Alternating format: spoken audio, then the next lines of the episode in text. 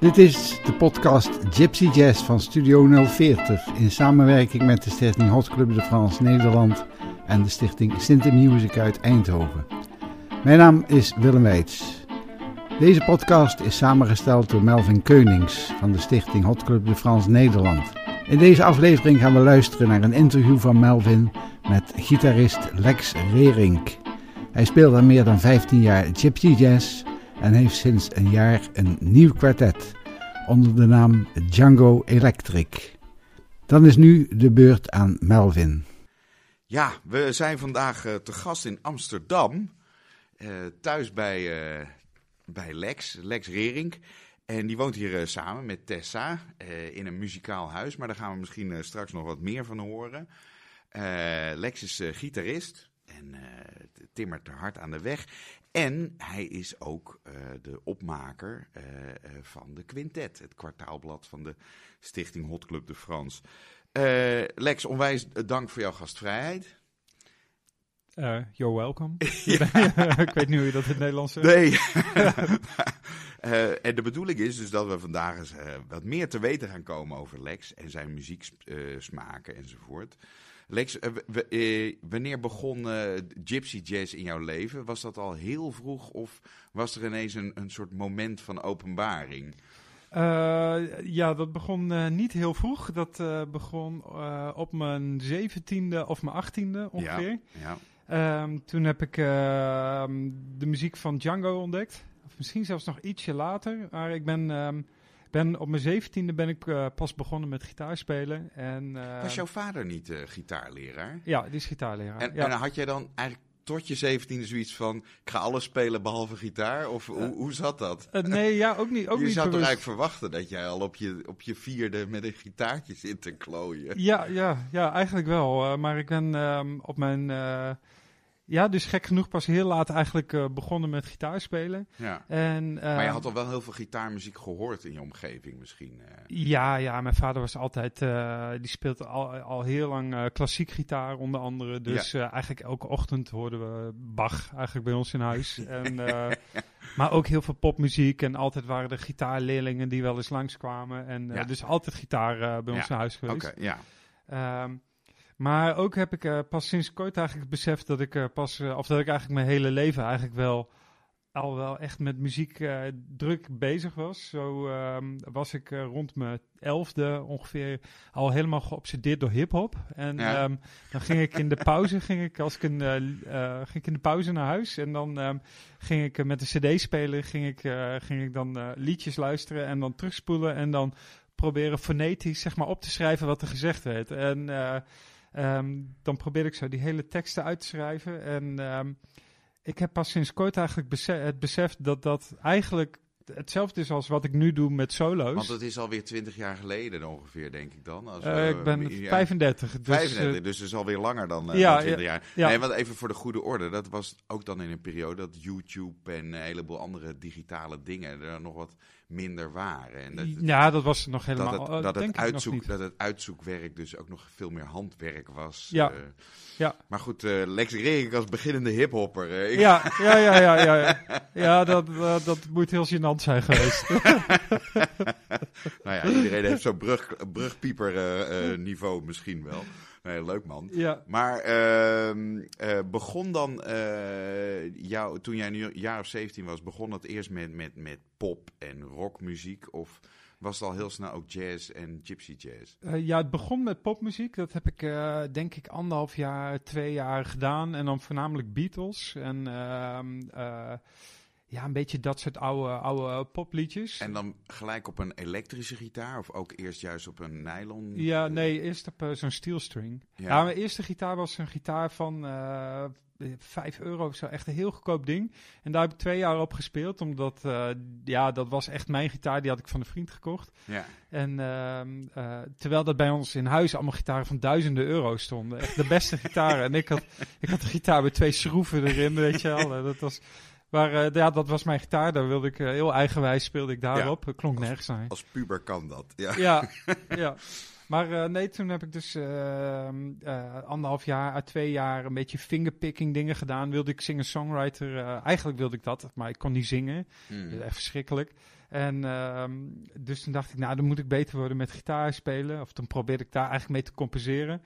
En steeds meer zo in het echt gitaarspelen gedoken. En toen heb ik een periode gehad dat ik heel erg met Chad Atkins bezig was. Ja. Dat was fingerpicking Ja. stijl, zeg maar.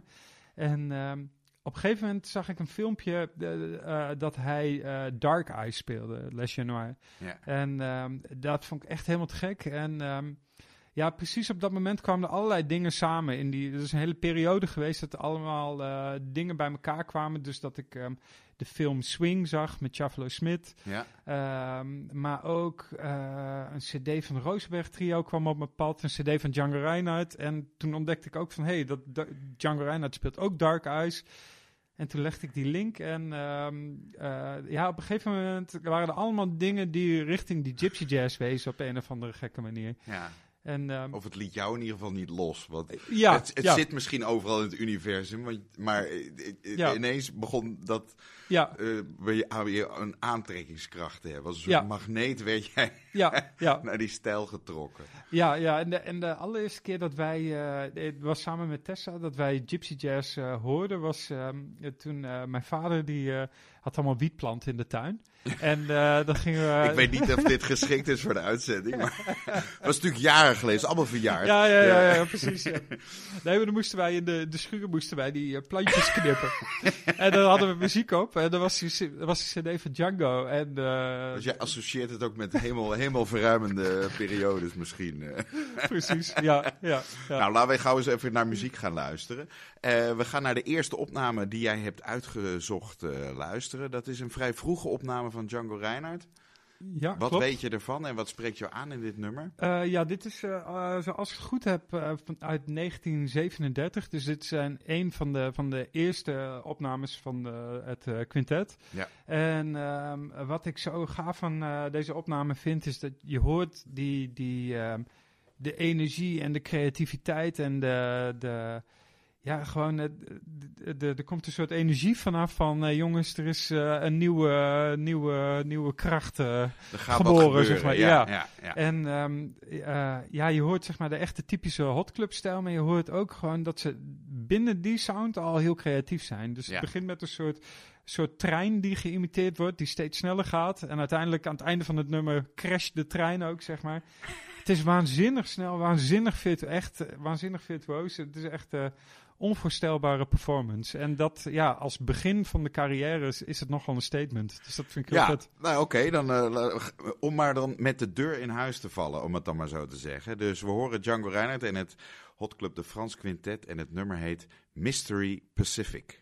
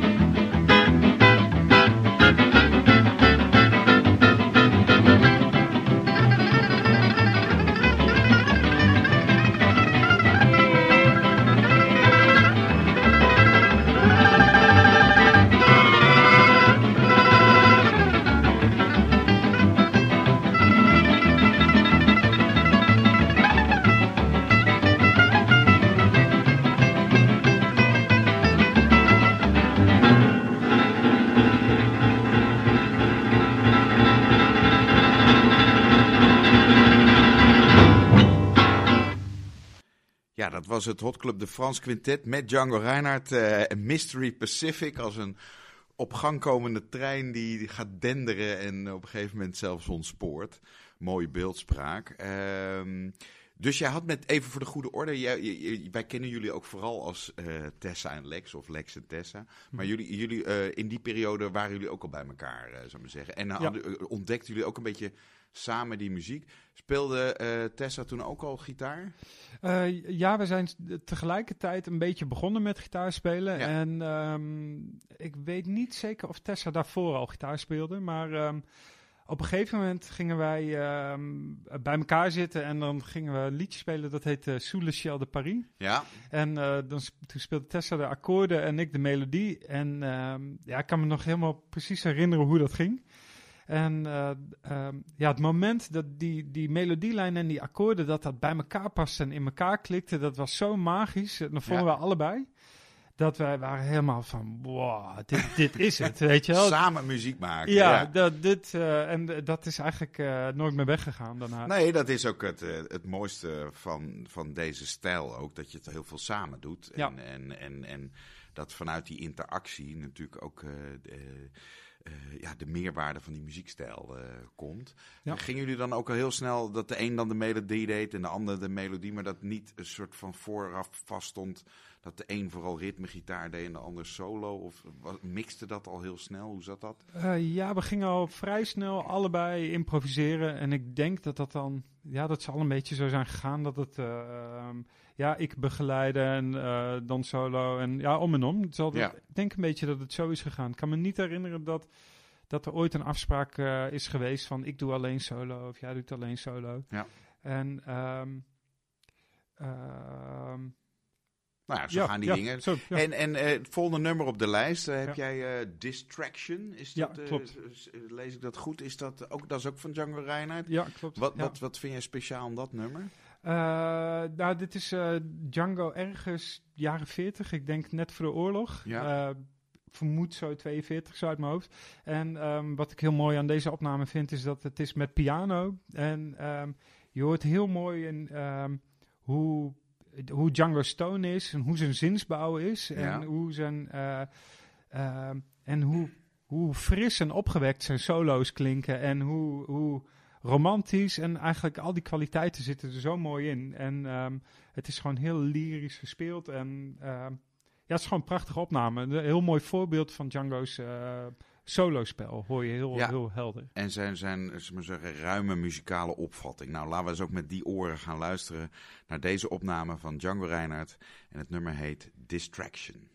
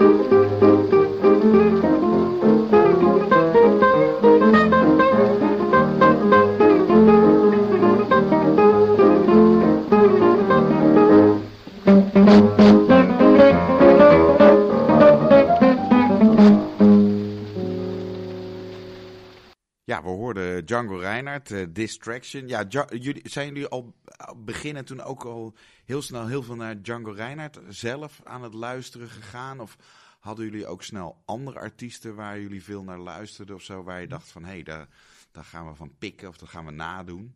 Eh, ja, we hadden de- eh, eigenlijk Django heeft echt lang geduurd voordat mij dat aansprak.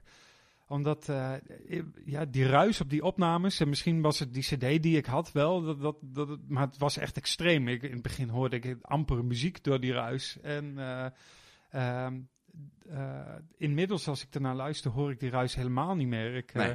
maar dus blijkbaar, blijkbaar went dat of zo. Maar ehm, Nou, het was wel grappig toen Don Fink een, een paar uitzendingen geleden vertelde dat hij dus eerst veel naar het Rosenberg trio had geluisterd.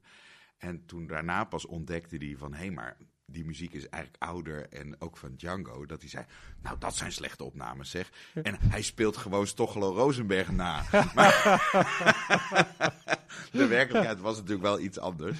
Ja. Maar eh, goed, eh, de, je moet er ook een beetje inderdaad doorheen leren luisteren. En, en vooral natuurlijk, jij als muzikant luister je op een gegeven moment ook anders naar muziek. Hè? Je Mhm. gaat ook veel meer luisteren naar wat heeft iemand te zeggen of hoe speelt hij dat, wat voor Ja. Toonsoorten gebruikt hij of wat voor lijnen gebruikt hij. Dan ga je natuurlijk ook op een andere manier eh, naar luisteren. Maar jullie waren dus een jaar of 19, je komt in aanraking met die muziek. Had je dan ook gelijk zoiets van, eh, ik moet het even aan mijn vader vragen, want eh, die kan het mij vast wel uitleggen? Ja, of hoe, ja. hoe ging dat? Ja, ja het, eh, het plan was eigenlijk van mij en Tessa om ja, even een jaartje gypsy jazz te leren. Dan even een jaartje flamenco. Dan zo even al die, al die stijlen even aftikken. Dat, dat was het plan. Ja, daar kwam wel vrij snel achter dat dat echt in ieder geval niet aan, aan mij besteed was. Nee. Maar eh, nee, eh, wij, ehm, eh, het is op een gegeven moment ehm, ook gewoon zo erg zijn leven, eigen le- leven gaan leiden dat ik Ja. er gewoon alleen maar mee bezig wilde zijn met deze stijl. Maar ehm, nee, mijn vader die heeft eh, ons heel erg op weg geholpen. Die heeft ons heel vroeg al, want voor hem was het ook nieuw.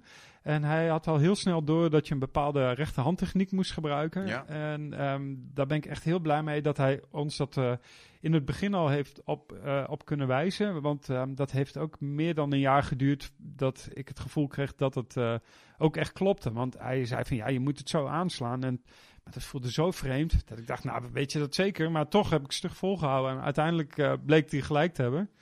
En ja, hij- als je eerst de rockgitaar speelt met een heel dun plektrum en dan ineens gaan we gypsy jazz met zo'n stoeptegel. Dat Ja. is natuurlijk ook even, even een verandering, kan ik Ja. me voorstellen. ja, ja, Hey, jullie zaten toen nog eerst in Enschede, maar volgens mij hebben jullie daarna gestudeerd in, Tilburg, Breda. Ja, klopt. Ja. Was dat al vrij snel daarna of zat er nog even wat tijd tussen? Nee, er zat wel aardig wat tijd tussen.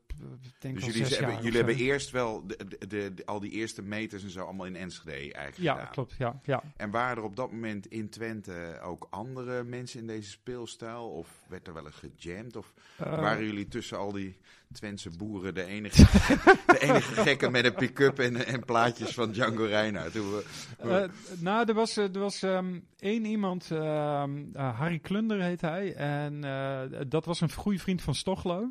En wij geloofden dat niet, want eh, hij zei, oh, Stochlo Rozenberg, ja, die ken ik wel. Die eh, komt van de week nog bij mij langs. En wij dachten, die gast die is gek, want wij dachten dat Stochlo... We wisten helemaal niet dat dat Nederlanders waren. Wij dachten Ja. dat dat Spanjaarden of Zuid-Amerikanen waren. of Zo, je snapte er helemaal niks van. namen, ja. ja.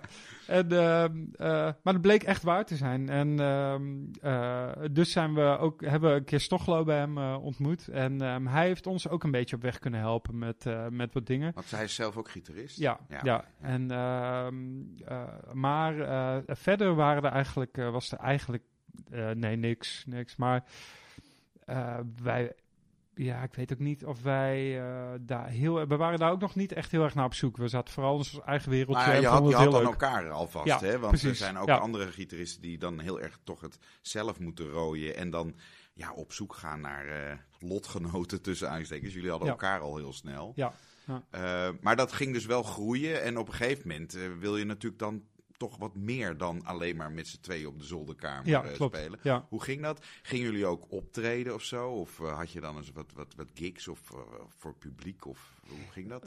Ja, in Enschede niet echt. Wel eens een keer op een gitaarmiddag van mijn vaders muziekschool gespeeld. Ja. Maar dat was allemaal echt, echt heel erg in het begin.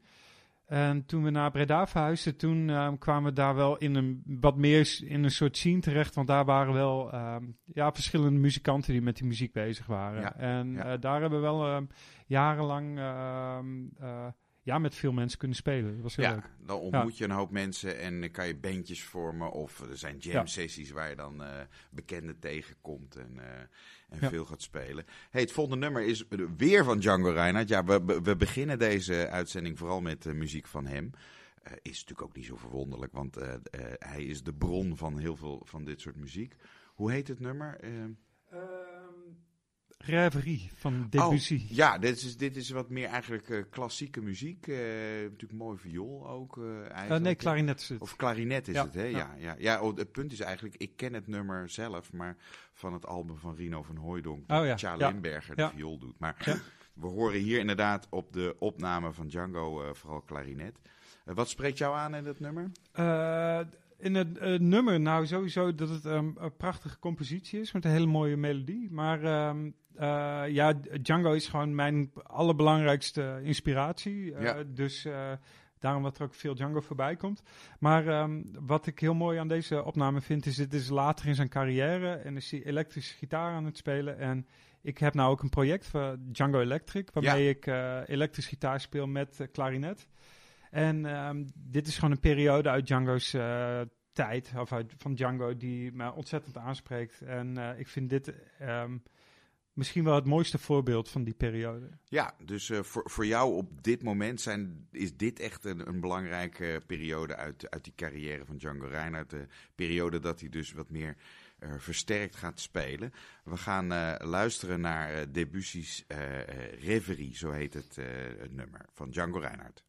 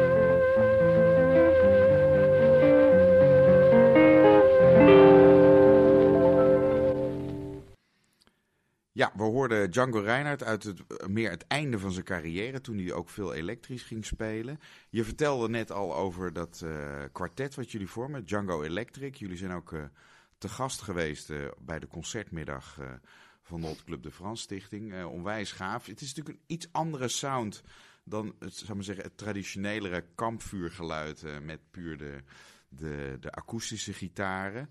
Uh, wat spreekt jou aan in, in, in dan, in dan ja, die, toch die stap naar elektrisch ook, in die jazz weer? Uh. Ja, ja, goede vraag eigenlijk. Um, uh, daar probeer ik zelf ook al een tijdje een beetje antwoord op te geven. Ja, maar... kijk, smaak is gewoon uh, wat je aanspreekt. Hè? Dus er hoeft niet altijd een keiharde verklaring voor te zijn. Maar ja. kennelijk, het trekt jou. Uh, ja, ja. Ja, ja, wat ik ehm, heel mooi... Ik vind ten eerste gewoon de sound van ehm, de combinatie elektrische gitaar en klarinet gewoon heel mooi. Heel mooi gevonden. Ja. Wat ik ook mooi vind is dat de, de sound van de elektrische gitaar eigenlijk een relatief slecht geluid is, zeg maar. Het is eigenlijk niet een, geen mooi geluid, vind ik zelf. Mhm. Maar in combinatie met de manier van spelen en de temperament uh, wordt het toch heel mooi. En dat vind ik heel mooi überhaupt aan, aan uh, eigenlijk bijna alle gypsy muziek. Dat het, uh, als je zeg maar de individuele noten, daar zo, als je daar naar luistert, is het altijd vrij, vrij bruut en vrij hard. En helemaal niet zo romantisch of mooi. Maar in de, in de, de context van um, de zinsbouw en hoe dingen gespeeld worden, uh, is het juist, zit er juist heel veel schoonheid in. En, ja. en dat vind ik uh, met, ook met, uh, met, dus met de elektrische gitaar, vind ik dat heel interessant. Uh, maar ook vind ik gewoon de, de groove is een beetje anders dan, Ja. dan voorheen. En ehm, ja, en misschien ook de harmonieën zijn anders. Ik weet het niet zo. Ik weet het zelf nog niet zo heel goed. Misschien is ook de, de traditionele Hot Club de France muziek uit de jaren 30 is ook echt wel gericht op dansen. En het Ja. moet natuurlijk rietjik, rietjik, Ja. dat moet gewoon echt lekker pompen. Ja. Eh, terwijl natuurlijk die, die latere muziek van Django Reinhardt ook wat meer het karakter heeft van, nou ja, van wat modernere jazz waar je misschien wat meer naar luistert. Of eh, nou ja, waar het ook al veel meer om ambiance gaat. Ja. Ehm, hoe gaat het met dat eh, project eh, Django Electric? Hebben jullie nog optredens? Eh, gaan jullie misschien een plaat maken of EP? Of wat, wat, wat zijn de plannen? Nou ja, het gaat, het gaat heel goed. We hebben vorige week aardig wat gespeeld. Ik geloof drie optredens gehad. Ja. Ehm, en... Het seizoen is gelukkig weer lekker van start gegaan. Ja. na, na twee jaar diepe winterslaap ongeveer. Ja, ja. ja. en ehm, eh, nee, ja, dat, dat gaat goed. We zijn eh, sowieso heel erg gedreven ermee bezig. En ehm, we spelen volgende maand op eh, Breda Jazz Festival. Dat is een aardig prestigieus podium, zeg Ja. maar. Ehm, en ja, her en der doen we, doen we wat optredens. En we, zijn, we zijn eigenlijk een beetje rustig aan op het moment nog. We zijn niet heel erg bezig met optredens binnenhalen of zo. Maar het gaat wel heel erg goed. Dus, dus Wat eh, willen leuk. jullie ook, eh, want jullie speelden dan eh, bij het concert af vorig najaar.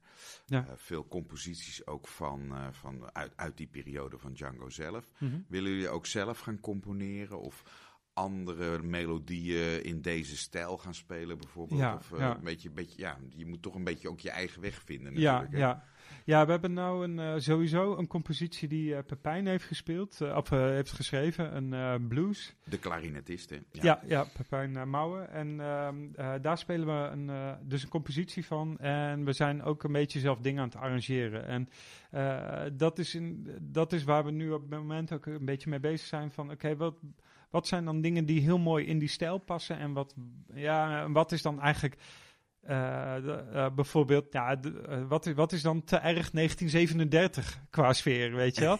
dus, dus op die manier stellen we onszelf ook de vraag van, ja, wat, wat is nou zo precies zo verschillend aan die, aan die elektrische periode, ook qua harmonie en sfeer? En Ja. ehm, dus daarin zitten we zelf een beetje, ja, zijn we nou een beetje aan het brainstormen. Maar ja, dat is het, het- de, de ontwikkeling in de jazzmuziek ging natuurlijk ook snoeihard. Want Django speelde deze stijl toen de bebop ook al aan het Ja. opkomen was. Ja. En hij ook allemaal dat soort dingen integreerde in zijn muziek. Ja.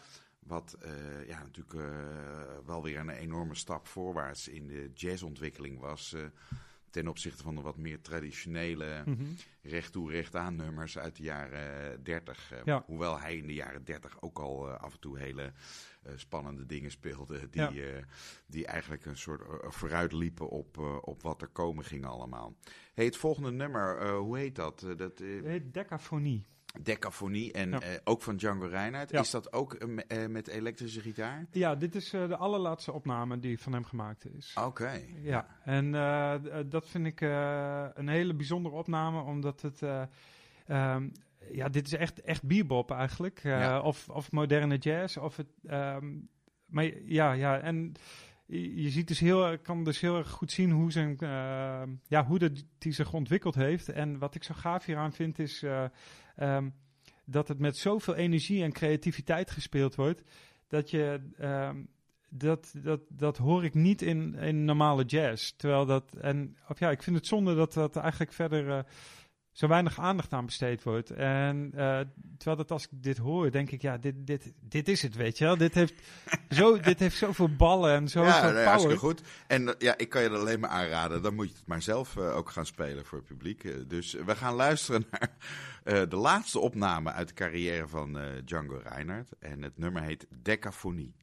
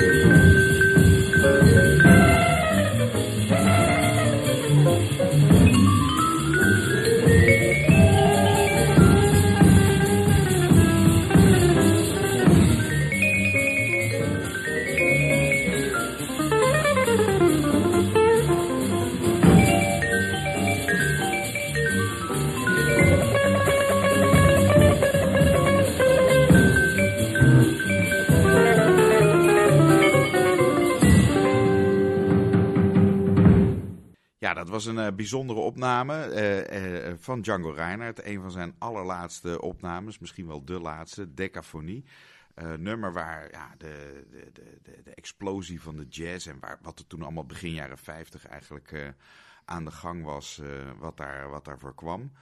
Spelen jullie met Django Electric uh, dan alleen maar Django Reinhardt nummers? Of pakken jullie dus ook modernere uh, jazzmelodieën of nou ja, een eigen compositie van Pepijn? Ja. Dus, ja. Uh, ja. Um, ja, en we doen wat Duke Ellington stukken zijn we mee bezig. Um, nee, verder, verder zijn we nog niet heel erg bezig met andere stukken... Um, ver, uh, ver uh, gypsy jazz, of ik weet niet hoe je het zou moeten noemen. Ja, maar ja. uh, maar dat, is, dat is wel de ambitie. Om, nou ja, dingen gaan ook in ontwikkeling. Ja. Hey, we gaan nog even terug in de geschiedenis. Want jullie zaten op een gegeven moment dus in Breda. Jullie deden daar volgens mij allebei HBO-opleidingen. En, Hm. en speelden daar veel in het in het, uh, in het uh, circuit, in, in de jam sessies enzovoort. Mm -hmm. Maar ik herinner me uit die tijd dat jullie ook een soort aantrekkingskracht met Amsterdam hadden. En dachten van, hé, hey, uh, daar gebeurt nog, nog veel meer aan gypsy jazz. Ja, klopt. En ja. toen hebben jullie op een gegeven moment ook nou, met z'n twee besloten... we zijn nu klaar met die opleidingen. We zijn niet meer aan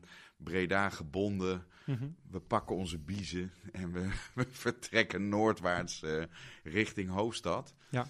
Jullie zijn toen hier gaan wonen en uh, dat, was ook wel, dat is ook wel heel bijzonder in een huis waar meer gypsy jazz muzikanten wonen. Kan je daar wat ja. over vertellen? Ja, ja nee, dit is uh, een uh, huis in de Belmer uh, waar we wonen. Ja. En um, het zijn meerdere appartementen op elkaar gestapeld. En helemaal bovenin wonen ik en Tessa.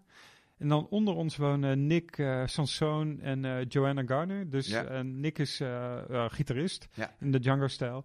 En uh, Joe, Joanna is violiste. Ja. Ze hebben ook wel eens gespeeld bij uh, de concertmiddagen. Zeker, en Joanna mij. heeft uh, mooie schilderijen gemaakt die een jaar lang ook op de cover van de quintet hebben gestaan. Dus, ja, klopt. Ja. En um, daaronder wonen onze relatief gezien nieuwe buren. Die wonen hier sinds een paar maanden. En dat zijn twee Italianen, Marta en Mauro. En um, die spelen geen gypsy jazz. Marta is een zangeres, jazzzangeres. En Ja. Mauro is jazz contrabassist. Oké, En, um, want het huis had nog wel een bassist nodig eigenlijk. ja, eigenlijk wel, ja. en, eh, maar eh, daaronder eh, zitten, eh, en daar zitten we nu, maar dat is eh, de repetitieruimte. Dus Ja. we hebben een eh, algemene repetitieruimte waar eh, die bijna elke dag wel eh, door iemand hier in dit huis gebruikt wordt. En eh, ja, dat is superleuk, want eh, het is heel inspirerend. Als je over de gang loopt hoor je bijna altijd wel iemand iets oefenen en eh, er is gewoon een hoop... eh, concentratie op muziek en dat Ja. is heel inspirerend. En er zit ook een zekere doorloop in, omdat er eh, ook in eh, eh, het huis bestaat nu al een tijdje. Er hebben ook eh, andere muzikanten gewoond. Mhm. En die komen natuurlijk af en toe ook nog weer eens terug. Of eh, weet ik het. Ik bedoel, het is Ja, uiteindelijk ja. eh, een, een heel groot netwerk. Nou Hey. ja, zo eh, uh, Max, Max en Thomas Baggerman, eh, Eva Scholten, dus eh, van eh, eh, Thomas Baggerman trio Ja. en eh, Eva Suzanne. En eh, Arnoud van den Berg, die was de eerste bewoner hier, bassist Oh. die veel met, eh, Ja. met eh, Paulus speelt. Ja. En ik geloof dat het door hem dit geïnitieerd is. Oké, dus eh, nou, dan, dan- wordt de traditie goed voortgezet. Moet alleen wel even zorgen dat die eh, Italiaanse huisgenoten van je ook gewoon helemaal aan de gypsy jazz verslingerd. Ja, ja, daar, daar werken we hard aan. Daar wordt gewoon, dat peperen we daar hard in. Nou, hartstikke goed man. Eh, we gaan naar het volgende nummer luisteren. Kan Ja. je dat zelf toelichten? Is de Chic of Araby Ja, een classic? Ja. Ja, en wat van- is deze uitvoering? Dit is van Chanchu Vidal. En Chanchu Vidal is naast Django Reinhardt mijn grootste voorbeeld eigenlijk. En ehm, dit is ook uit de jaren 50 ongeveer. En ehm eh, Chanchu was een eh, zigeuner die ehm, uit Zuid-Frankrijk kwam. En je hoort dus in zijn spel zit een soort eh, een beetje flamenco-achtige timing. Gezien ja, voor gypsy jazz normen, zeg maar. Ja. Ehm, en wat ik daar heel gaaf aan vind is ten eerste gewoon zijn manier van spelen is gewoon heel erg mooi en altijd swingend. Maar ook zijn, zijn articulatie, zijn, zijn zinsbouw is gewoon heel anders dan dat van Django. En, maar het werkt supergoed. ja. En ehm, ja, heel aanstekelijke stijl van spelen. En ik word er altijd super vrolijk van. Dus- Nou, we- laten we hopen dat de luisteraar hier ook weer eh, een dosis vrolijkheid krijgt. We gaan luisteren naar The Chic of Araby.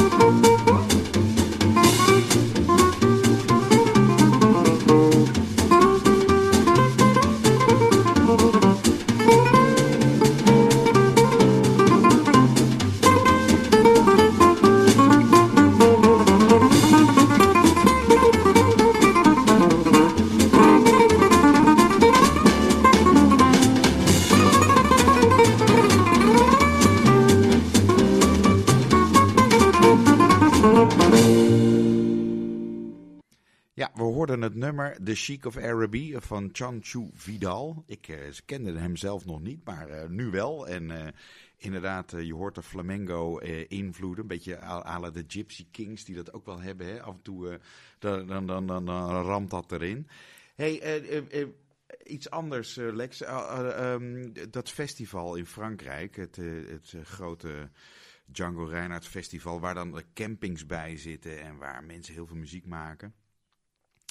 Ik, ik weet dan eigenlijk altijd niet beter dan, dan staat er ergens in de hoek een klein campertje of een klein caravannetje eh, of een klein tentje en daar zitten Lex en Tessa en die zijn ofwel liggen ze even te slapen, maar meestal zitten ze te spelen en spelen en spelen en spelen. Het gaat maar door. Ja, Wanneer, wanneer waren jullie daar voor het eerst? Uh, even kijken, dat, dat is echt lang geleden. Dus meteen ja. uh, na het eerste jaar dat wij uh, dus van Django hoorden, zijn we meteen daar naartoe gegaan. Oké, dus dat is al stiekem 15 jaar geleden. Misschien wel, ja. ja, ja ja, dat kwam dus door Harry Klunder. Die zei van, als je deze muziek te gek vindt, dan, ja. moet, dan moet je naar Samar. En, en kan je het over de eerste keer vertellen? Want kwamen jullie ja, daar redelijk ja. bleu binnen? Of waren jullie al door Klunder helemaal voorbereid? Zo gaat het en dit gebeurt er. Nee, nee, dat was heel, echt heel indrukwekkend. Wij kwamen op de camping aan uiteindelijk.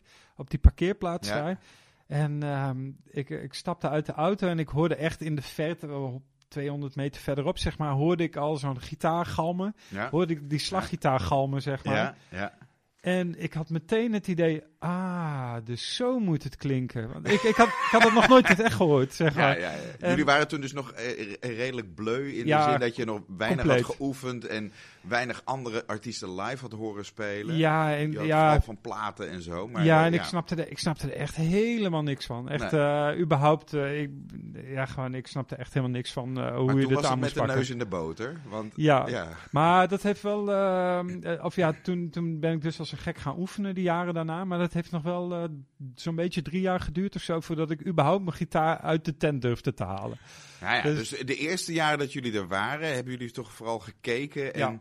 Ja. Uh, met, met een kleine druppel kwel in de, in de, in de linkerhoek van je mond uh, een beetje te kijken van, oh ja, zo moet het. Ja, ja, ja precies, ja. ja. ja. en klopt. toen was het festival natuurlijk toch nog wel wat kleinschaliger. Het was toen natuurlijk ook op het eiland en uh, community was misschien wat kleiner. Was wel gelijk op de camping Samaro waar jullie Ja, precies, ja. ja. En uh, ik weet nog dat het eerste, de eerste tent, zeg maar, waar we langs liepen, dat, daar zat Romane te spelen, die, die gitarist met uh, Sebastien Ginot. Ja.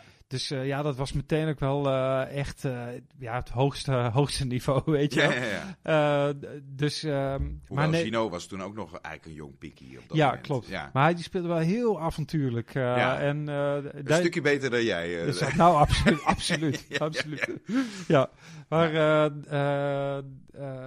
Nee, ja, ja, dat maar was, wel leuk was dat je dan ook gelijk een leeftijdsgenoot eigenlijk ziet. En dus ook wel misschien aansluiting gelijk hebt. In plaats dat je naar allemaal oude rotten zit te kijken. En denk ja. van ja, misschien over twintig jaar speel ik ook zo. Ja, dus als ja. je een leeftijdsgenoot het ziet doen, denk je van hé, hey, maar hij kan het allemaal wel. Ik ja, wil dat ja. ook. Ja, hij, hij, was toen al wel wat, wel wat ouder dan ik hoor. Uh, maar uh, nee, ja, ik nu als ik erop terugkijk, was ik ook echt een broekie, weet je wel. 17-jarig jochie daar. Uh, maar uh, nee, ja, ook heb ik eigenlijk altijd wel het gevoel gehad, omdat ik zo laat begon. En dan zag ik mensen om me heen die een beetje vergelijkbare leeftijd hadden, die al heel goed konden spelen. Dat ik ja. dacht van, ja, waarom kan ik dat nou niet, weet ja, je wel? Ja, uh, uh, ja, en nou besef ik me ook wel dat het een beetje te maken heeft met, uh, ja, hoe lang je...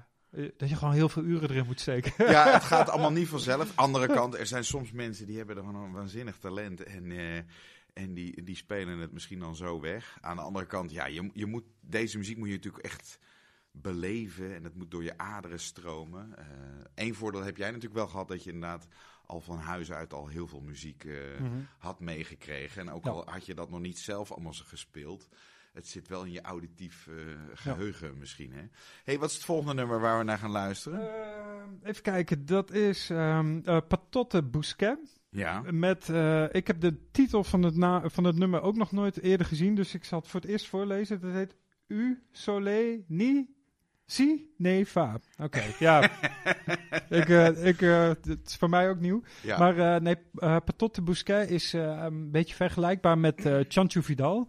Ja. Is, um, ik weet niet zeker of hij een zigeuner is, maar het is wel uit diezelfde periode, jaren Ja. 50, 60.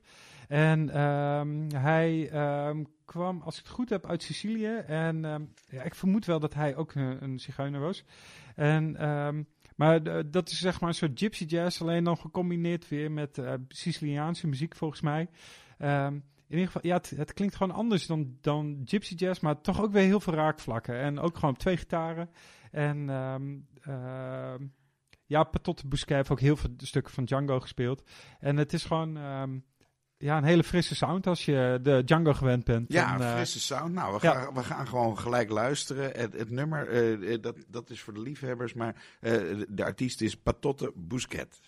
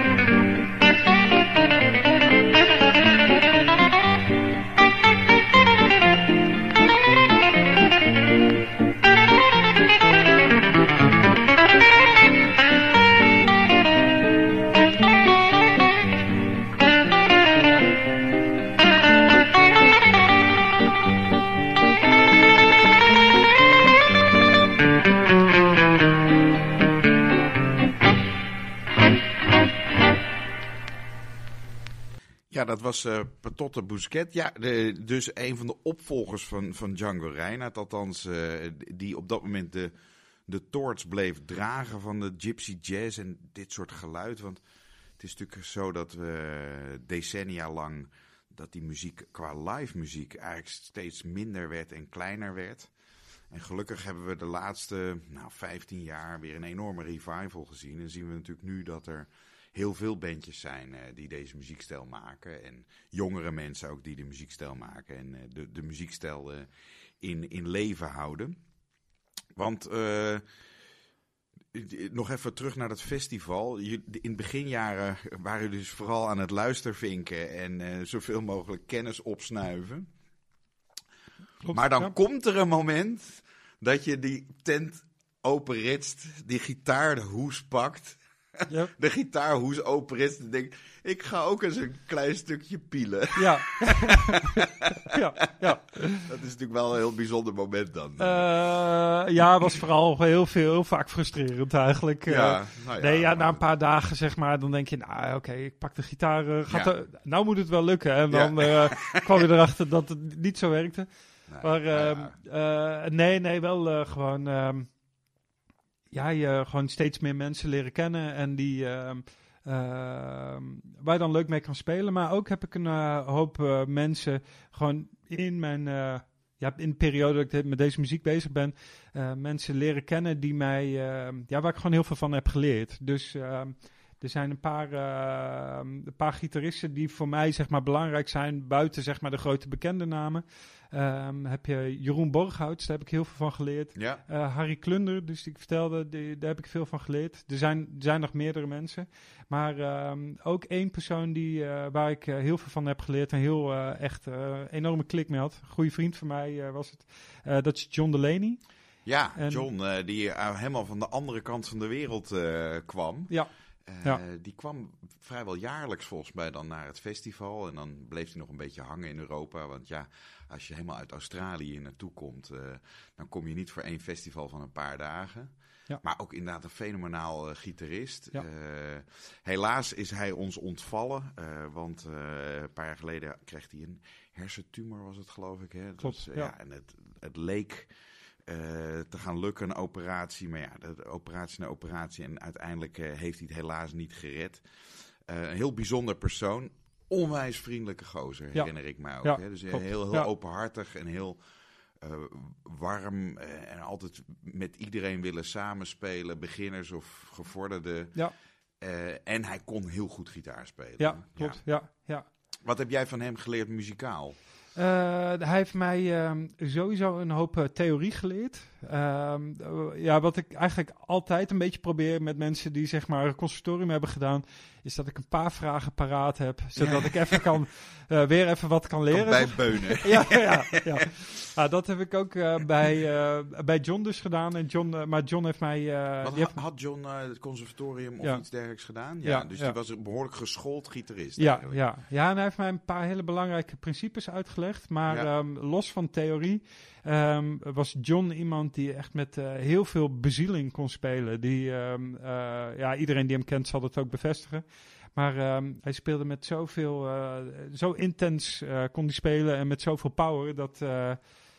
en met zoveel vrolijkheid kwam er gewoon vanaf. Dat, Ja. dat vond ik zo inspirerend. En daar heeft hij, tenminste dat hoop ik een beetje, dat, het, eh, dat, dat, eh, dat ik dat een beetje van hem heb op eh, kunnen pikken. Dat hij me Ja, daarmee en heeft het was ook een, een dieseltrein, want hij Ja. kon ook gewoon achter elkaar door, Ja. zonder pauze. Dat bleef maar gaan. Ja, ja, ja. ja. Nou, we gaan live naar hem luisteren. Wat is dit voor een opname van John Delaney? Dit is van een cd van hem, van een album wat op Spotify te vinden is. Ja, en het nummer heet Tango Whisky Foxtrot. Dat, Ja. dat klinkt als, als de letters of zo. Is dat dan een, TWF? Is dat, eh, Eh, dat, dat weet ik Nou, dat, gezegd, daar zal vast een niet. bedoeling achter Ja. zitten. Ja. Ik herinner mij trouwens ook nog ook leuk dat eh, John in de laatste fase ook heel actief contrabas ging spelen. Klopt, ja. En dan ook zich er helemaal fanatiek op storten. En klassiek en Bach. En nou, echt fantastisch. Het is Ja. jammer dat, dat hij dat niet verder tot bloei heeft kunnen brengen. Maar we horen hem hier, John Delaney, dus gewoon op gitaar. Met het nummer Tango Whisky Foxtrot.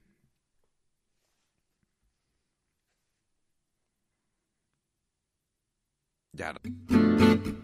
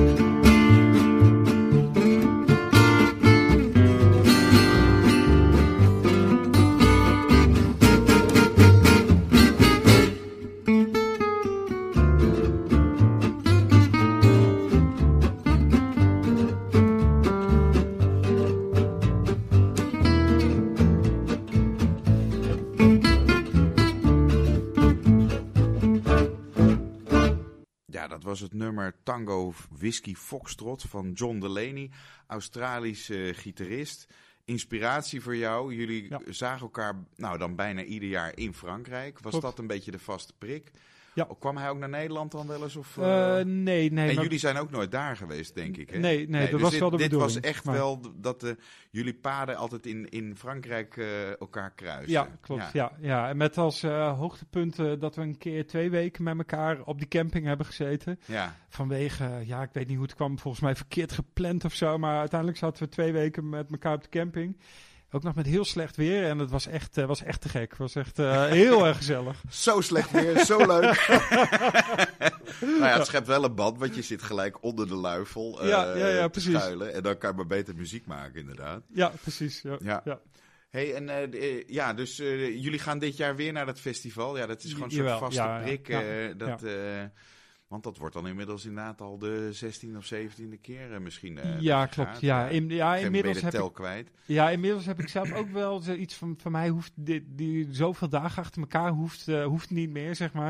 Je wordt een Want- beetje een oude man. Ik is word dat een beetje het? ouder man, ja. Ja.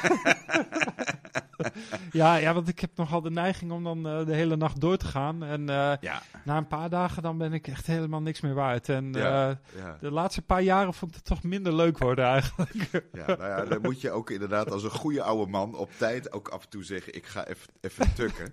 maar goed, doe het maar eens, want er gebeurt vaak muzikaal zoveel. Het is ook zo verslavend. En, Ja.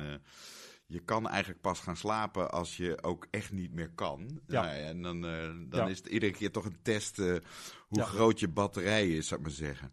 Hey, we gaan naar, naar nog wat eh, inspiraties voor jou luisteren. waar, waar jij ook je, je, je muzikale inspiratie eh, vandaan haalt. Het volgende nummer is van Stuff Smith. Ja, klopt. En ja. wat, wat is dat voor muziek? Eh, dat is eh, swing uit, wat zal dit zijn? Ik denk ook jaren 30, 40. Ja, Ehm, en Stuff Smith is een violist. En ehm, sowieso, ehm, eh, ja, dit, dit is geen gypsy jazz, maar dit is gewoon echt swing eigenlijk. Maar op het moment ben ik gewoon heel erg bezig met ja, swing uit die periode. En probeer ik me eigenlijk ehm, zoveel mogelijk te laten inspireren door de artiesten. ehm, ook uit de tijd van, van Django eigenlijk, maar waar Django vermoedelijk naar geluisterd heeft. Ja, en ja. ehm, eh, ja, Stuff Smith is daar een artiest in die, daar, eh, ja, die ik te gek vind. Speelt waanzinnig eh, viool. Volgens mij niet super virtuoos, maar wel op een hele gave manier. En, en dit is met zang. En het is gewoon ontzettend leuke opname. ja en het nummer is Joshua. Ja. En we horen Stuff Smith op viool. En we horen ook zang. Is, eh, zingt hij zelf dan? Of, eh? Ja, ja. Ja, oké. En het nummer heet Joshua.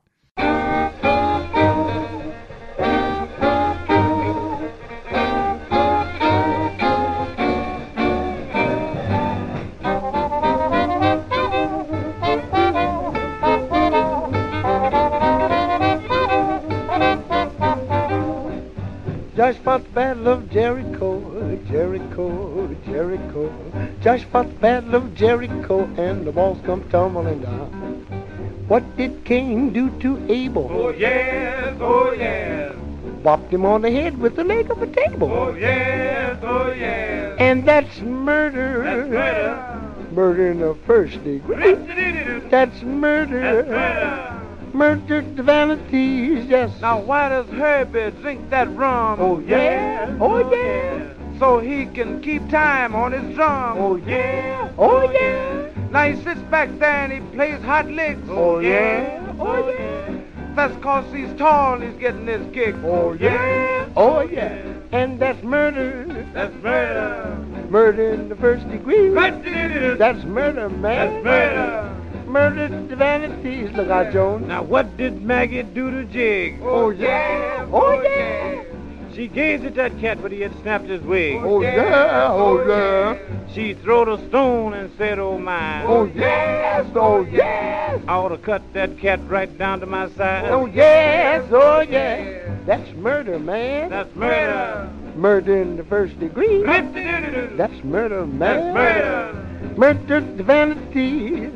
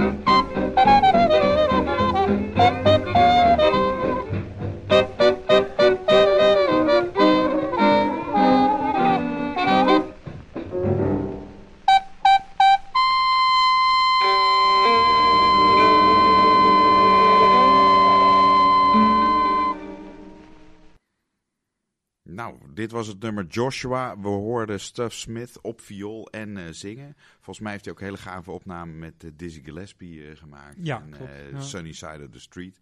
Ja. Ook waar hij ook viool speelt. Speel jij eigenlijk altijd alleen maar gitaar? Of heb je af en toe even de neiging om te zeggen... "Oh, ik wil ook wel even contrabassen of eh, even wat viool proberen? Of eh, Eh, nou, viool proberen, dat heb ik... accordeon, piano? Piano heb ik jou wel vaker horen Ja, spelen. ja, ja. ja, Ik, speel, ik speel wel piano, daar, ben ik wel, daar oefen ik heel veel op. Ja. Ehm, ik wil uiteindelijk goed stride piano kunnen spelen, maar dat, dat is een proces, daar, dat gaat op aardige tijd in zitten. Dus Ja, ehm, veel de- oefenen, ja, dat Ja. is het ook eh, ja, dan. Ja. maar eh, da- nee, daar ben ik wel het nadeel heel, van heel veel mee piano is natuurlijk dat die wat op de camping wat minder makkelijk is mee te Ja. slepen. Ja, de keyboard is ook, nee, eh, ja, dat nee, ik niet dat, doen. dat, nee, dat werkt niet. nee, maar het is wel heel leuk en ook heel leerzaam, omdat een piano natuurlijk vaak nog net wat visueler is. Dat je ziet eigenlijk wat er gebeurt of, of hoe het Ja, zit. ja.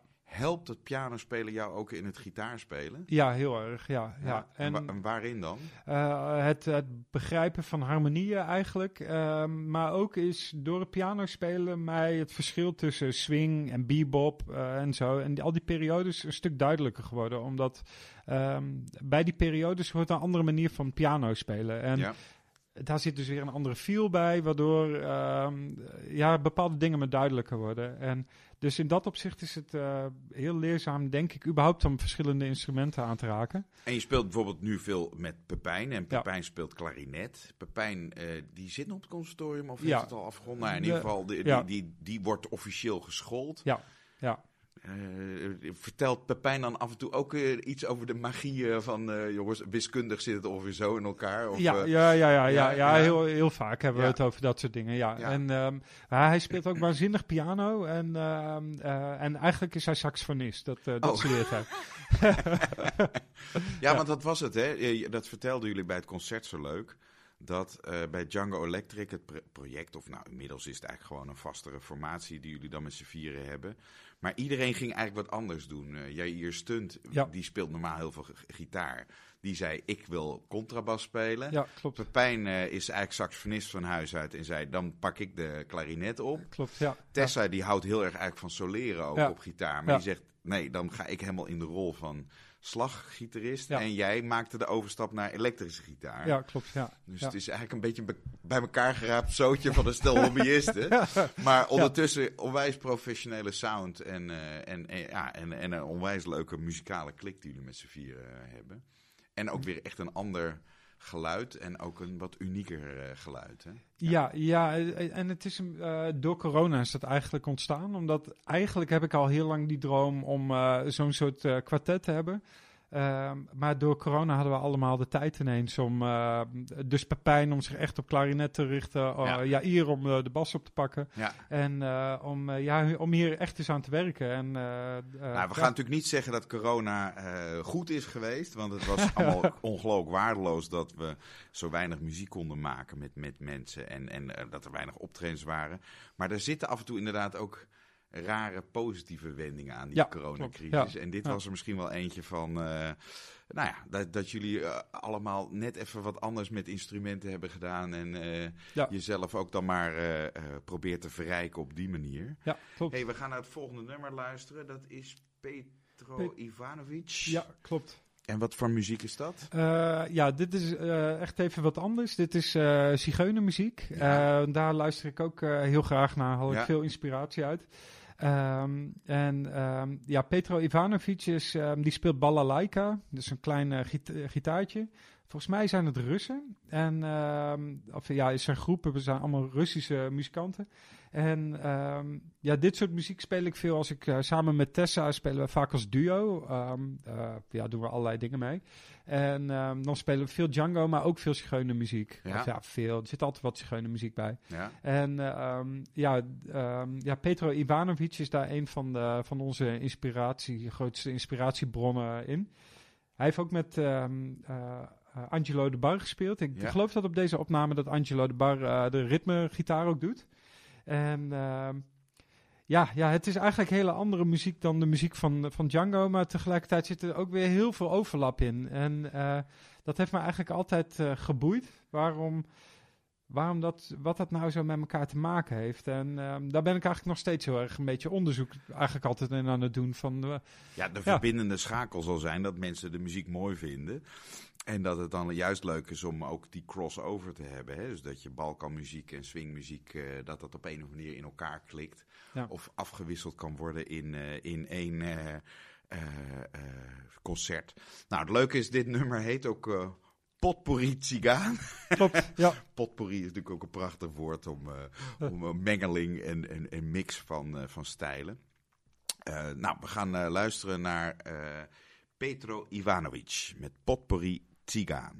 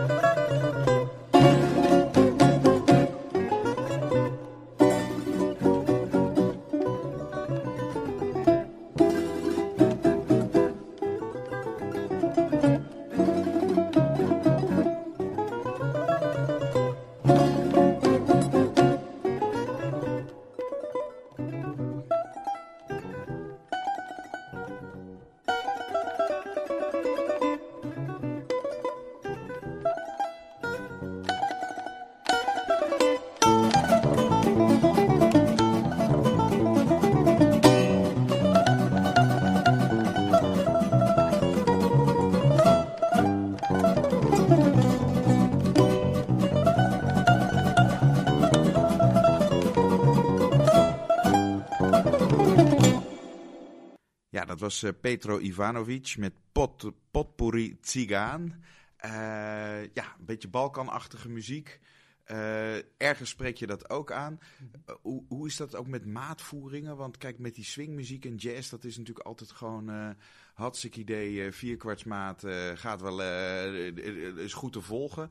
Balkanmuziek wil af en toe nog wel eens wat ingewikkeld worden met 13 twaalfde maten, of weet ik veel. Eh, Ja. Zijn jullie daar ook van, of houden jullie het wat meer toch recht op het pad? Eh, eh, nou ja, ik ben daar vaak niet zo heel bewust van. De opname die we net hoorden, daar zitten ook wat ritmische gekke momenten in. Ja. En eh, ja, ik ben eigenlijk gewend altijd om gewoon op gehoor opnames uit te zoeken. Te volgen. Ja. Ja, en dan spelen we dat maar als... eh, laatst probeerden we het eh, dus ehm, als trio te spelen. En toen kwamen er toch wel wat vragen over van... Ja, wat is dit nou? En ja, dan hebben wij ook geen antwoord. Zeg, maar. Nee, dus, nee. eh, dus ja, ja, vaak heb ik geen idee Bel eigenlijk. maar met Rusland. Ja, precies. Ja. ja. Ja, nou, nou ja, goed, zo gaan die dingen. Nou ja, leuk dat je inderdaad ook af en toe de andere stijlen ook eh, opzoekt. En weer Ja. gewoon kijkt eh, wat voor invloed dat op je eigen muziek eh, kan hebben. Met, met welk nummer gaan we eindigen? Ja, dat is een nummer van eh, Mario Hubert. Ja. Dat eh, heet Rue de Sapin, Ja. volgens mij, als ik het goed uitspreek. En ehm, dat vind ik eh, leuk om uit te lichten, omdat eh, Mario Hubert is eh, een gitarist die nu heel actief is. is een uh, zigeuner uit uh, de Elzas. Ja. En uh, die komt een beetje van de kliek bij met uh, Dorado, Chaflo, Smit. Uh, en Mario Hubert, die hoort, hoort daar ook bij. Hij is niet zo bekend als die anderen, maar ja, ik vind hem echt waanzinnig. Hij heeft zoveel power en zoveel, uh, zo'n uitgebreid vocabulaire. En ja, gewoon, het is het helemaal, die gast. En, ja, uh, nou ja, dus ja. dit is dan de luistertip van, uh, van Lex Rering. We moeten allemaal naar Mayo Uber uh, gaan, gaan luisteren. Eh, en dat gaan we dus nu ook, doen. Hoe heet het nummer? Rue de Sapin. Rue de Sapin. Nou, daar, daar, daar komt Mayo Hubert. En Lex, onwijs bedankt voor al jouw toelichting. En uh, wij hopen nog veel van Django Electric en al jouw andere formaties uh, te gaan horen. We luisteren naar Mayo Hubert.